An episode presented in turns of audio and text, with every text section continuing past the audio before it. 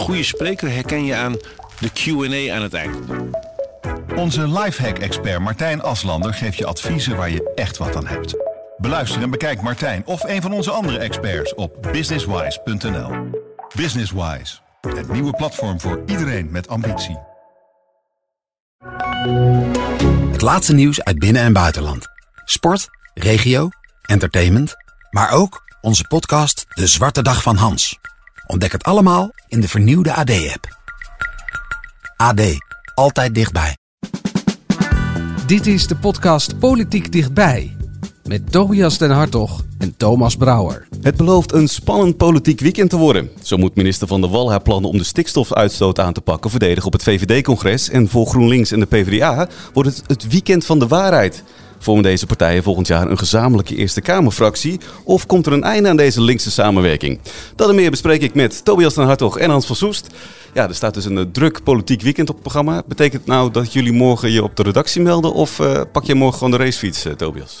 Nee, de racefiets is minder verstandig, hè? Dat hebben we deze week gezien. Oud-minister Sander Dekker werd gegrepen door een vrouw in de duinen. Althans, dat was het verhaal. Allerlei eh botbreuken. Ja, dat, dat is trouwens, voordat ik over het weekend... Ik, ik had dus eh, eh, Sander Dekker gebeld voor een verhaal. een profiel van Christiane van der Wal. Dat staat vandaag in de krant. En ik had hem ook gevraagd. Hij heeft natuurlijk ook met haar te maken eh, eh, gehad in het verleden. Dus ik had gezegd van, joh, kan ik je daarover bellen? Ja, dat was prima. Voor morgenochtend. En nou ja, ik, Dekker ken ik als minister. Dus ik bedoel, eh, man en man afspraak. Eh, maar hij belde niet. En ik werd al een beetje pissig. En ik dacht, eh, nou, ik ga, ik ga zelf maar eens bellen. En eh, nou, geen gehoor. En ik dacht, ja, wat is dit nou, joh?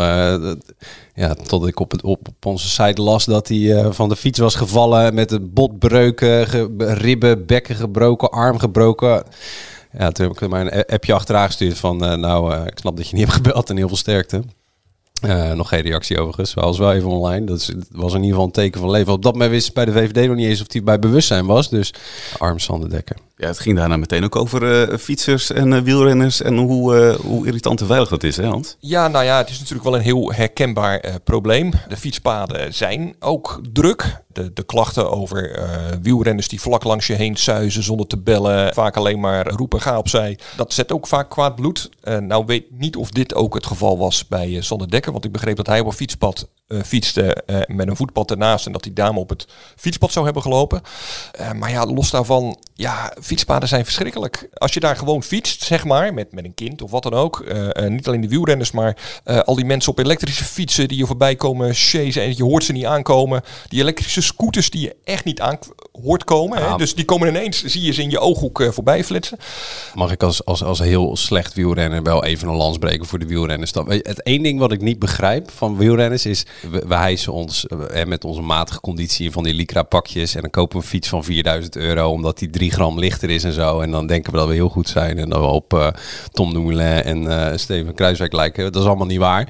Maar heel veel wielrenners doen ook die- om die fiets zo lean en mean mogelijk te maken geen belletje op die fiets. Terwijl ja, dat kost 2 euro en het weegt niks. Dus dat vind ik wel altijd een beetje, denk ja, dat is wel, je kan wel even bellen dat je eraan komt, zeg maar. Nou ja. Nou wat in elk geval deze, eh, dit, eh, dit nare ongeval met eh, Sander Dekker mogelijk teweeg brengt, is nu al is er een discussie losgebarsten, ook in Den Haag, van joh, moeten we niet eens wat gaan doen aan die fietspaden?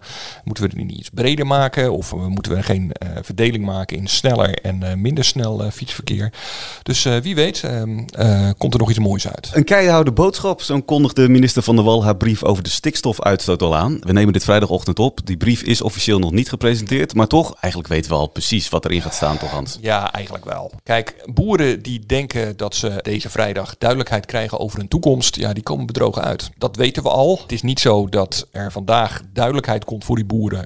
Wat er, hè, eh, of zij kunnen doorgaan met hun bedrijf, dat ze moeten inkrimpen of wat dan ook. Wat ze te horen krijgen vandaag, en dat zal nog waarschijnlijk een jaar zo boven de markt blijven hangen, is in welk gebied moet er hoeveel minder stikstof worden uitgestoten. Want even een klein stapje terug. De stikstofuitstoot, die moet Ja. worden aangepakt. Maar waarom is dat nu precies zo'n heet hangijzer? Nou, het is niet nu per se een heet hangijzer. Het is eigenlijk al twintig jaar een heet hangijzer. Het is al een heet hangijzer eh, sinds we eh, zo'n twintig jaar geleden eh, allerlei natuurgebieden aanwezen. Natura 2000 eh, gebieden. Die moesten voldoen aan allerlei eh, Europese wetgeving. eh, waar allerlei planten en diersoorten eh, voorkwamen die moeten worden beschermd. En toen al, toen die gebieden werden aangewezen, ontstond er onrust in de buurt van zo'n gebied, weet je wel, waar precies zo'n grens van zo'n gebied moest komen te komen. Waarom? Omdat uh, gemeentes, mijn boeren toen al aanvoelden, ja, maar wacht eens even, dat gaat gevolgen hebben voor ons. En waarom? Omdat bij uh, een boerenbedrijf waar mest, er is veel mest, daar komt stikstof bij vrij, maar hetzelfde geldt voor gemeentes die een rondweg wilden aanleggen, weet je wel, bij, bij autoverkeer, daar komt stikstof bij vrij. En dat stikstof, dat slaat neer in een natuurgebied. En waarom is dat een probleem bij natuurgebieden? Omdat dat uh, in de vorm van ammoniak of stikstofoxide in de grond komt. Dat is voedsel voor bepaalde planten die de rest overwoekeren, zoals braamstruiken en brandnetels. Die zie je inderdaad heel veel in Nederland. Uh, waardoor allerlei andere plantensoorten afsterven. Uh, daardoor verdwijnen de insecten, verdwijnen de diersoorten. Nou, dat is één probleem. Ander probleem is dat de bodem erdoor verzuurt. Dus kortom, die natuurgebieden gaan kapot. Dat wisten we al twintig jaar geleden. Toen het moment dat we die natuurgebieden gingen aanwijzen, gingen boeren, maar ook gemeentes en, en, en industrieën gingen protesteren. Van joh, kan het natuurgebied niet ergens anders? Of kan het niet kleiner? Of uh, moet er überhaupt hier een natuurgebied zijn?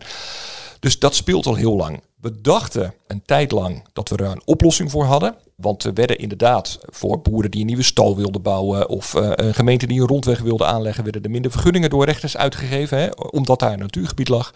Daar dacht uh, een paar kabinetten geleden dachten we daar een oplossing voor gevonden te hebben door een bepaalde wet. Maar die wet is drie jaar geleden door de rechter in de brullenbak gegooid. Mag helemaal niet.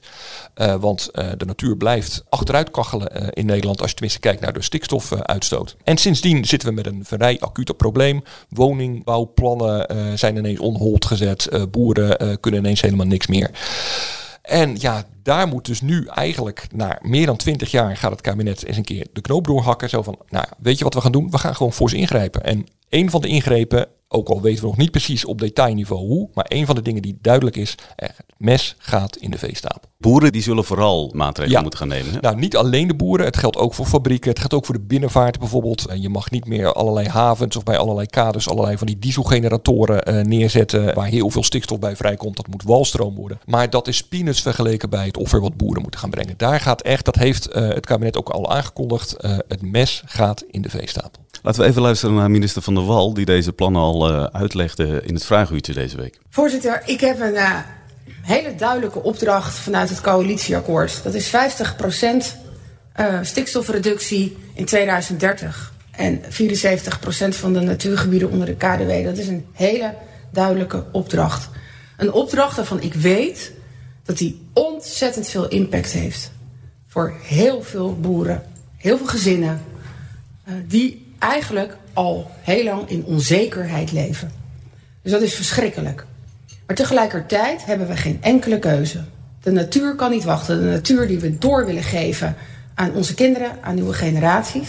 En we hebben te maken met een juridische uitspraak die klip en klaar is. We moeten eerst minder stikstof uitstoten. We moeten eerst de natuur herstellen. En dan pas kunnen we ook weer vergunningen verlenen in dit land.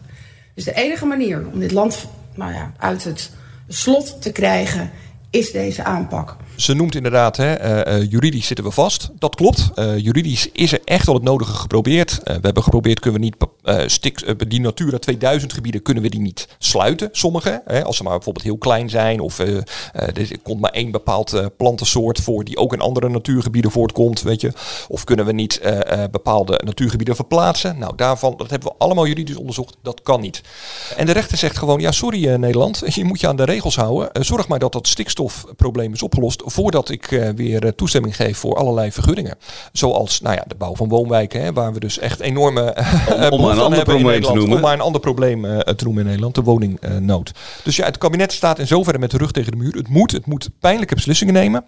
Alleen boeren die denken dat ze vanaf vandaag duidelijkheid krijgen. Ja, dit zwaard blijft nog minimaal een jaar boven hun hoofd hangen. Want wat het kabinet nu doet, is dat ze per gebied gaan aanwijzen. Zoveel stikstof moet daar minder. Maar hoe dat dan precies in de praktijk moet worden gehaald, dat laten ze aan provincies. Die hebben daar een jaar de tijd voor, tot 1 juli volgend jaar. Om met, met uitgewerkte plannen te komen. Weet je wel, welke boer, boer gaan we een aanbod doen om uh, uit te kopen? Welke boer moet misschien verplicht worden uitgekocht? Dat is nog een taboewoord wat niemand in de mond wil nemen. Maar ga er maar vanuit dat er echt niet allemaal vrijwillig zal gebeuren.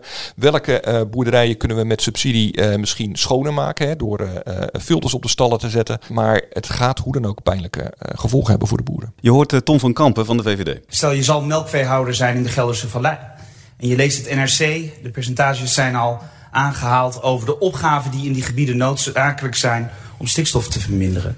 dan begrijp ik, voorzitter, dat je je zorgen maakt over de toekomst van je bedrijf. Voor misschien de opvolgers in dat bedrijf die klaarstaan om ook boer te worden. En ik zou de minister willen vragen: wat zou haar boodschap zijn in de richting van deze boeren? Wat zou mijn boodschap zijn? Het is verschrikkelijk als je gewoon even als mensen onder elkaar. Hoe erg is het dat je eigenlijk al heel lang in onzekerheid leeft. En dat die onzekerheid nu eigenlijk alleen maar groter wordt.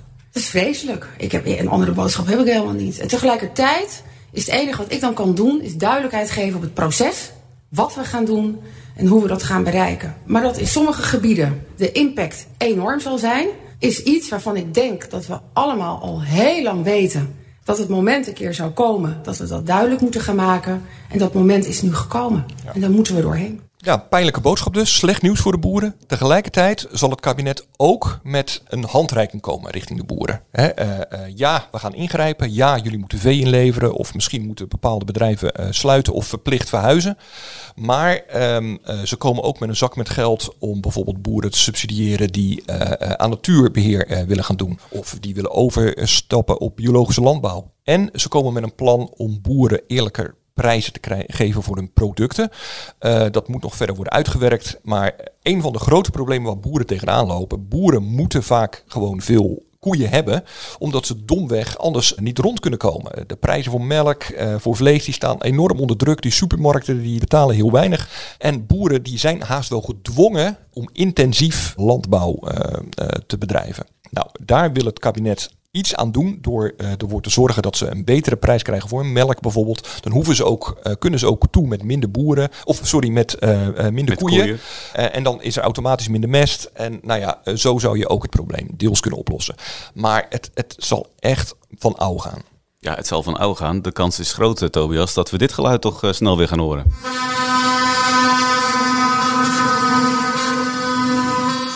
Ja, trekkers naar Den Haag. Ja, de prettige trekkers in Den Haag. Ja, ja verkeersopstoppingen, chaos en uh, een dreigende sfeer. Ja, ik denk het wel, want uh, dit wordt ook nog in de Tweede Kamer heel anders gewogen. Hè? Hans zegt, ja, juridisch staat het kabinet uh, met de rug tegen de muur. Dit moet nu eenmaal. En de provinciebesturen moeten het gaan uitvoeren. Komt een zak met geld, dat klopt allemaal. Maar er zijn nog steeds partijen die vraagtekens zetten. Bijvoorbeeld bij het model waarop de stikstof wordt gemeten. Hè? Er is niet een methode waar iedereen enthousiast van wordt om die stikstofuitstoot te meten. Hè? Bijvoorbeeld de partij BBB en die zitten CDA en VVD echt wel in de weg. Ja, in ja 21 ook.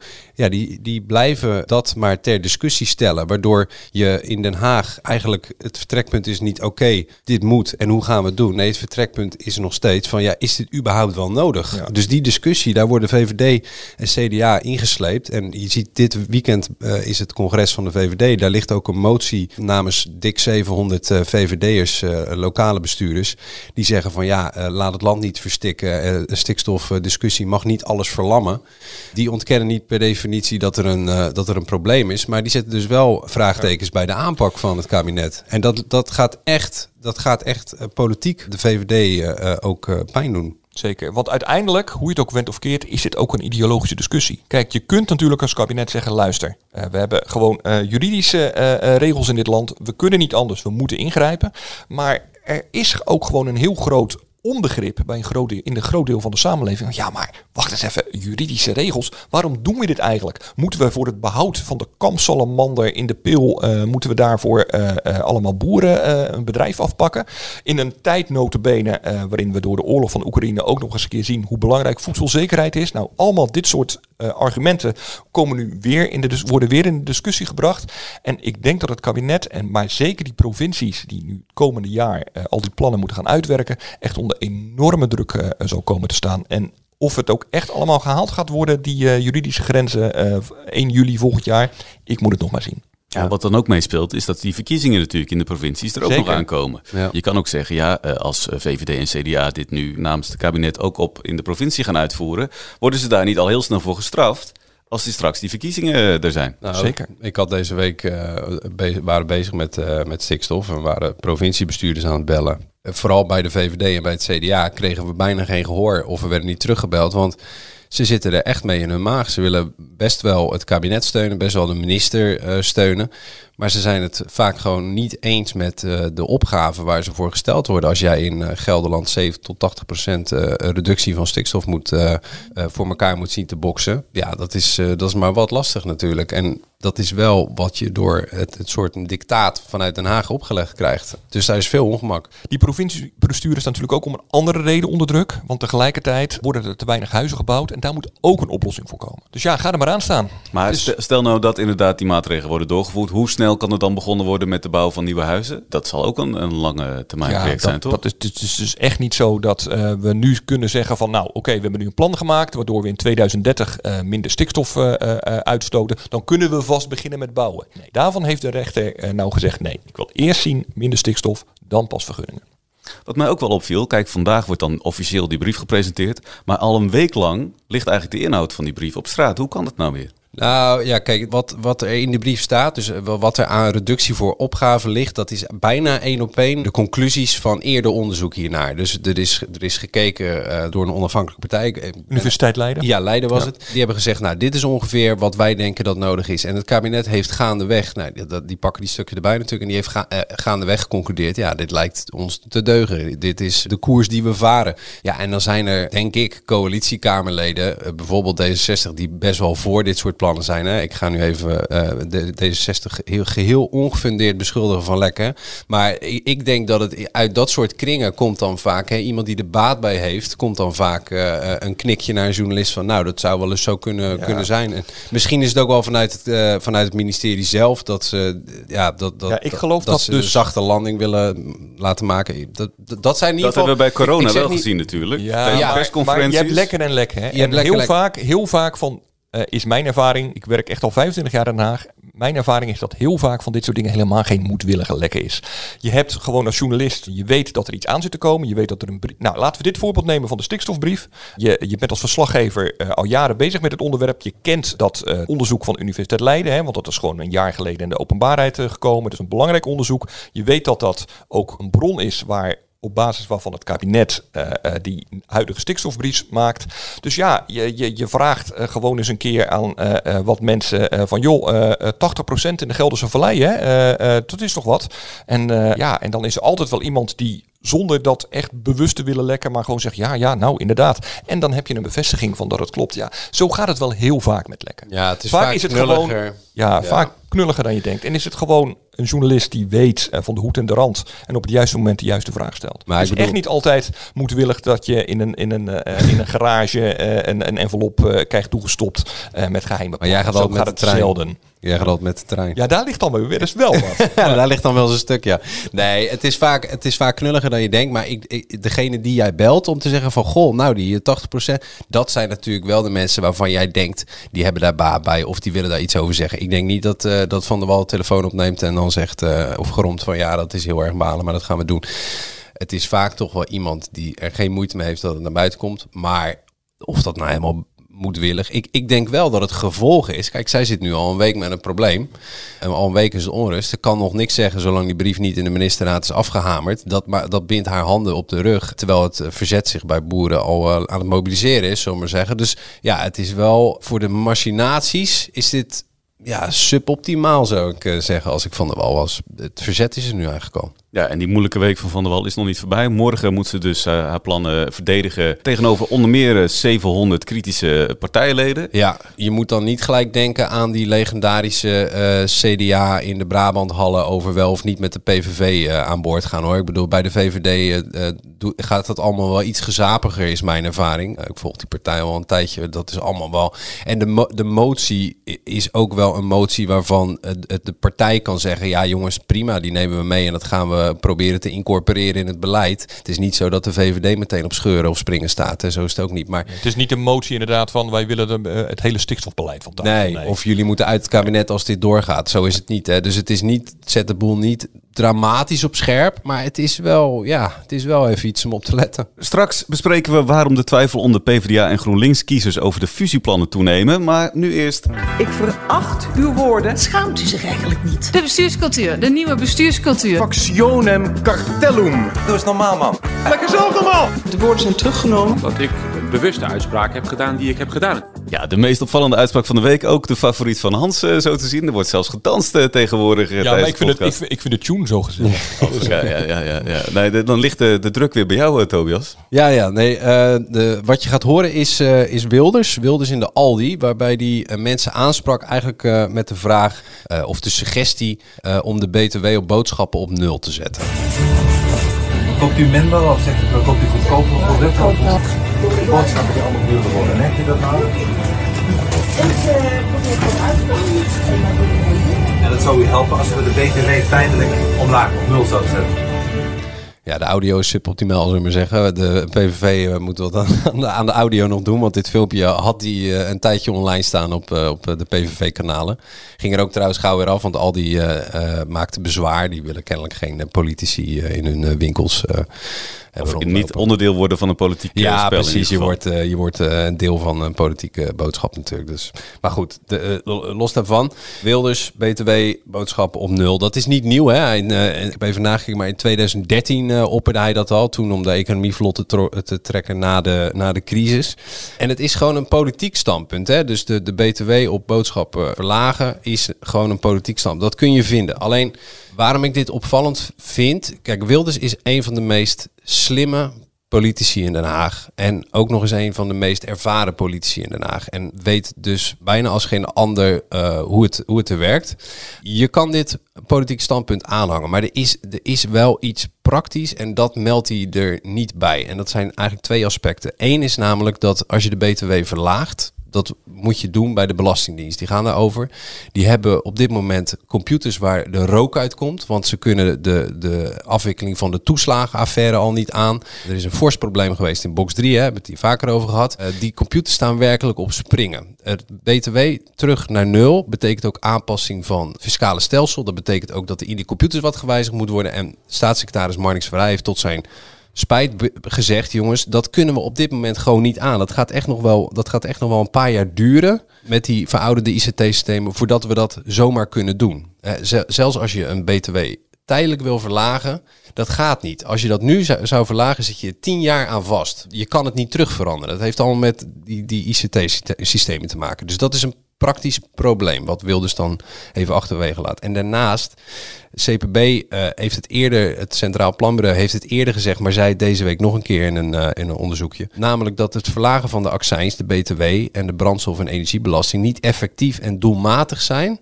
om juist die huishoudens te helpen die het zo zwaar hebben. Hè? Dus Voor hen is het niet voldoende Het- ja, het- precies. Het is onvoldoende. En eh, het- natuurlijk helpt het. Maar er zijn, ook al zijn die maatregelen, die, die alternatieven ook niet ideaal. Maar er zijn middelen om het effectiever bij die groep te laten, eh, laten landen. En ik wil dus weet die dingen. Die, die snapt dat als geen ander. Dat geloof ik direct. Maar ja, dat, dat laat hij dan toch achterwege. En dat is niet erg, want dat is politiek. Maar soms zou het fijn zijn als dat bijsluitertje er wel bij zat. Wat deze discussie wel weer heel pijnlijk eh, eh, maakt. Tobias zei, kijk, de alternatieven eh, zijn ook niet ideaal. Dat klopt. Waar op één volgende kabinet telkens weer tegenaan lopen is... en nu zitten we met een acute probleem door de hoge inflatie... maar dit is natuurlijk niet nieuw. Op het moment dat wij lagere inkomens willen helpen... Met een maatregel. Daar zitten altijd enorme nadelen aan, doordat we best een ingewikkeld systeem hebben. Eh, je kunt zeggen van nou, we gaan eh, mensen helpen door ze, eh, dat doen we nu bijvoorbeeld met de energierekening, allemaal de lagere inkomens 800 euro te geven. Nou, dat klinkt allemaal heel sympathiek, maar dat moet dan door gemeentes worden uitgevoerd. En nou ja, nu al blijkt uit eerste rapporten, dat loopt helemaal niet lekker. Heel veel mensen die het echt nodig hebben, die worden niet goed bereikt. Of gemeentes hebben daar niet goed zicht op. Dus het klinkt sympathiek, maar het, het werkt maar half, dat systeem. Nou, je zou ze kunnen helpen door lagere belastingen. Dat proberen we ook. eh, dat je minder belasting betaalt over je, eh, over je werk bijvoorbeeld. Maar dat is vaak pas achteraf eh, dat je daar profijt van hebt. Nou, dan hebben we het in het verleden geprobeerd van... nou, dan geven we mensen gewoon elke maand via de belastingen wat geld. Hè? Toeslagen heette dat. Ja, nou, we weten allemaal hoe ingewikkeld en wat de nadelen daarvan zijn. Dus het is alt, elk kabinet worstelt met dit probleem. We hebben lagere inkomens. Die willen we op de een of andere manier helpen Maar om hen echt financieel even, eh, en in dit geval tijdelijk, even wat lucht te geven, is gewoon altijd ingewikkeld. En daar heeft Wilders natuurlijk wel een punt. Accijnzen, eh BTW, dat is wat die mensen dagelijks in de Dagelijks boodschappen... werken. Dus daar heeft hij een punt. Dat dat in, in die zin komt dat direct bij die mensen terecht. En kijk, dit, ik, ik probeer Wilders ook niet aan te vallen. Want de truc is van alle politici. We hebben eh Wopke Hoekstra gehad die in de campagne zei... we moeten bedrijven die nu heel veel baat hebben bij de coronakosten... Hè, supermarkten maakten overuren. Die hebben ontzettend hoge winsten gemaakt. Toen zei hij, nou dan komen we eh, daarna, na de coronatijd, dan gaan zij meer belasting betalen. Gaan we een soort coronatax heffen bij bedrijven die heel veel baat bij hebben gehad. Ja, dat is helemaal juridisch niet te regelen. Het enige wat gebeurt is als ze meer winst maken en ze betalen ook nog eens winstbelasting in Nederland. Hè, is ook nog maar de vraag. Hè. Shell, Shell bijvoorbeeld, daar weten we niet van. Maar er zijn bedrijven die, die hebben hier gewoon een postbusje. Die hebben helemaal niet eh, de, de winstbelasting hier. Maar er zijn bedrijven zoals Albert Heijn, die betalen winstbelasting. Nou, dan gaan ze al meer betalen. Want meer winst is meer winstbelasting. Weet je? En van die tax, die speciale coronatax van Wop Koekstra, hebben we nooit meer wat vernomen. Dus het is, politici maken zich allemaal schuldig aan. Ze slaan de hele ingewikkelde problemen helemaal plat tot een ja-nee voor tegen. Terwijl het is natuurlijk vele malen gecompliceerder. In zoverre heeft Wilders wel een punt. Verlaging van de eh, BTW eventueel direct, dat merken mensen vandaag nog. Alleen, ja, het, ook dat is dus inderdaad in de praktijk. Ja, je beloont ook, regelen. ja, je beloont ook gewoon iemand met, Ja. eh, met een leaseauto. Of een uh, leaseauto dan niet, want die betaalt de accijns zelf niet. Maar iemand met een dikke auto uit Wassenaar die, en die boodschappen gaan doen bij, eh, bij de markt. Of weet ik veel welke chique eh, supermarkt. Die, die, die beloon je in feite ook. Ja, En die hebben het zeker niet nodig. en die hebben het niet nodig. En het is heel duur. Want dat moet je dus ook niet eh, eh, onderschatten. Dit kabinet zit nu al, eh, lopen de, de financiële problemen op. Nog niet zo erg dat het kabinet zegt, oh, we zitten met, we moeten enorm gaan bezuinigen. Het gaat allemaal nog wel. Maar ja, je kunt niet geld blijven uitdelen. Dit weekend is het niet alleen voor Van der Wal een eh, spannend weekend, maar ook voor de GroenLinks en PvdA-kiezers en leden. Want dit weekend besluiten beide partijen of ze volgend jaar een gezamenlijke Eerste Kamerfractie gaan vormen. Dat Het is een is flinke, wat, hè. een flinke stap. Ongelofelijke stap in de linkse samenwerking is het. Ja, dat, Ik, ik hoor wat cynisme nu, eh, Ik, Tobias. ik vind het echt wel. Er wordt, er wordt gedaan alsof er een, een nieuwe politieke partij is opgericht die, die de hemel gaat bestormen met 40 zetels. Ja, laten we wel weten. Hoeveel zetels hebben ze samen? Eh, dus 18 zetels samen of zo? Nee, oh jeetje. Ja, sorry, dit is echt zo'n quizding. Dit moeten we dan weten en zo. Maar nee, maar het, het, heeft niet, het, het is niet de grote politieke aardverschuiving. En al dagen staat met name de Volkskrant vol met ingezonde stukken van PvdA-prominenten die de voor of tegen zijn. En ik denk werkelijk, nou, eh, één lijst bij de Eerste Kamerfractie toe. Een beetje dimmen wel hoor. Nou ja, maar het is natuurlijk wel een begin. Het, is een wel een begin. Het Ik is een bedoel, begin. er wordt al, al, al jaren en jaren gepraat over samenwerking eh, op links. Ja, dit is een eerste stap. In zoverre eh, gaan ze verder dan al die andere eh, leiders van PvdA en GroenLinks in het verleden hebben gedaan. Dat kun je ook toejuichen. Je kunt ook zeggen van nou, eindelijk gebeurt er eens wat. Het is natuurlijk maar net hoe je er tegenaan kijkt. Ja, tuurlijk. En het zijn het, het, PvdA een historische partij en GroenLinks een hele andere geschiedenis. Dus wat dat betreft, ik begrijp de eh, symbolische waarde en de historische waarde begrijp ik wel. Maar eh, als je kijkt de facto waar, waar het op neer gaat komen, is dat totaal apolitieke Eerste Kamerleden eh, in de Senaat samen om en om, of samen in één kamer gaan zitten en dan om en om een stoel pakken in een soort van gezamenlijke fractie. Ja, ik, nou ja, oké. Jij gaat nu zeggen hoeveel zetels ze hebben, of niet? Nee, nee, sorry. Ik zit nog steeds. Oh, ik, ik, ik wil namelijk geen fout maken, want het staat allemaal op band. Dus Ja, ja, eh, ja. het gaat er eigenlijk wel slecht met links. Maar tegelijkertijd, PvdA en GroenLinks stemmen vrijwel allemaal hetzelfde. Dus ja, zo groot zijn de verschillen in de praktijk ook weer niet. Nee, het grote probleem met links is natuurlijk dat ze, eh, en dat ga je denk ik niet oplossen met een fusie, eh, gewoon de afgelopen twintig jaar gewoon heel veel kiezers zijn kwijtgeraakt aan andere partijen. Want mensen zeggen dan, ja, eh, Nederland is verrechts en eh, er stemmen steeds meer mensen op rechtse partijen. Nee, dat is helemaal niet waar. Mensen stemmen op bijvoorbeeld de PVV. Waarom is de PVV zo groot? Nou ja, omdat die kiezers met name van linkse partijen heeft afgesnoept. Ja, we doen altijd wel net alsof die alleen maar kiezers van CDA en VVD heeft afgesnoept. Dat is gewoon niet zo.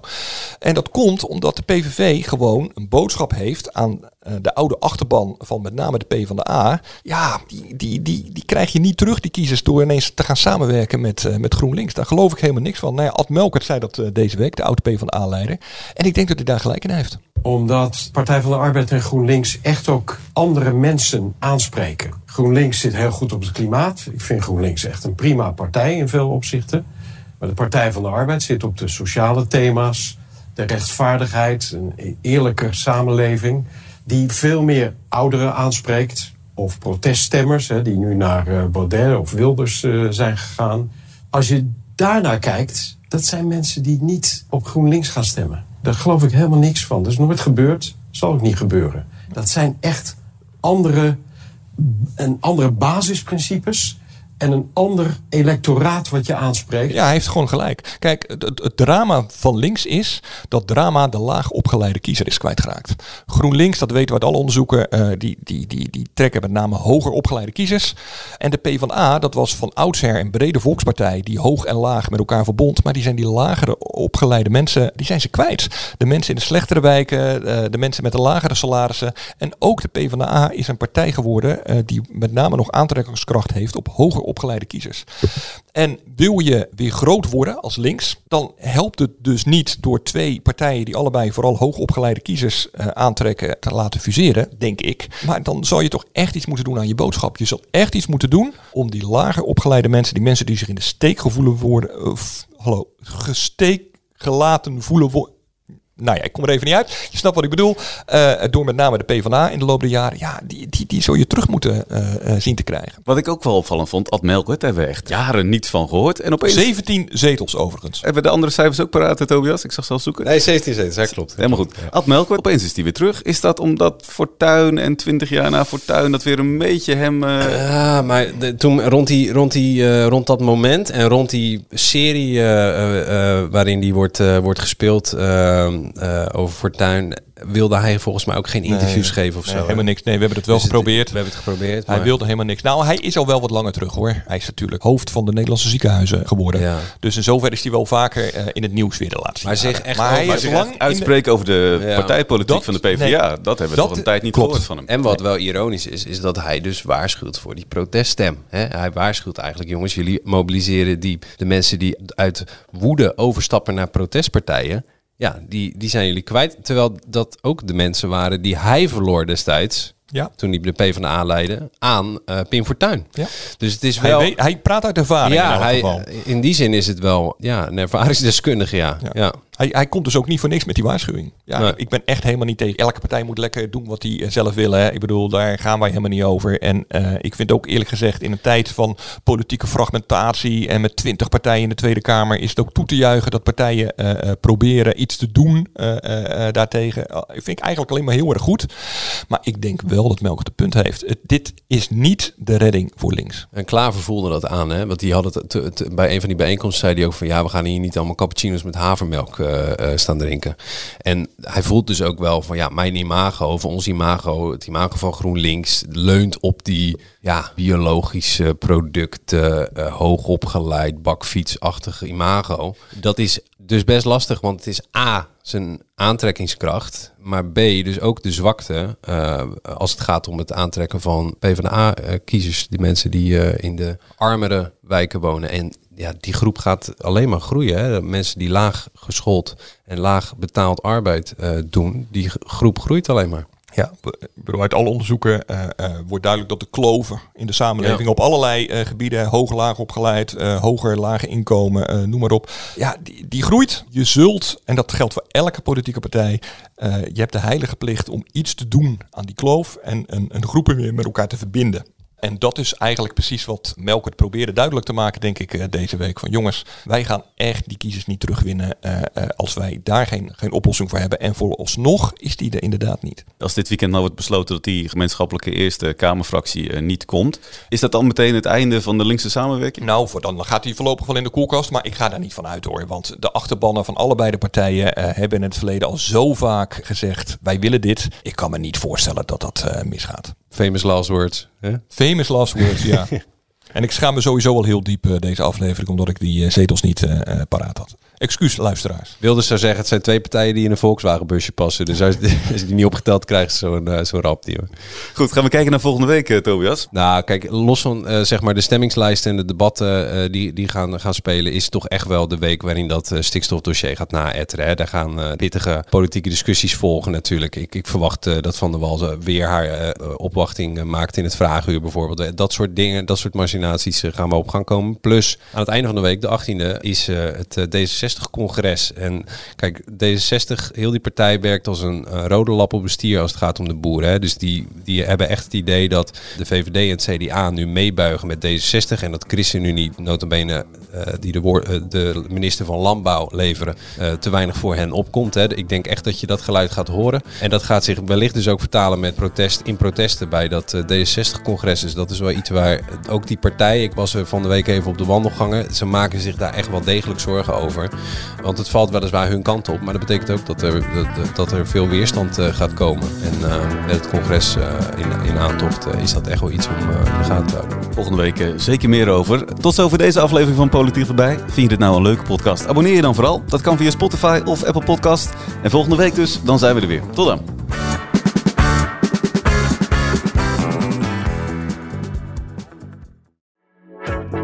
Mensen luisteren niet naar wat je zegt, maar kopiëren wat je doet. Onze vitaliteitsexpert Martin Hersman helpt je te focussen op wat echt belangrijk is. Beluister en bekijk Martin of een van onze andere experts op businesswise.nl. Businesswise, het nieuwe platform voor iedereen met ambitie.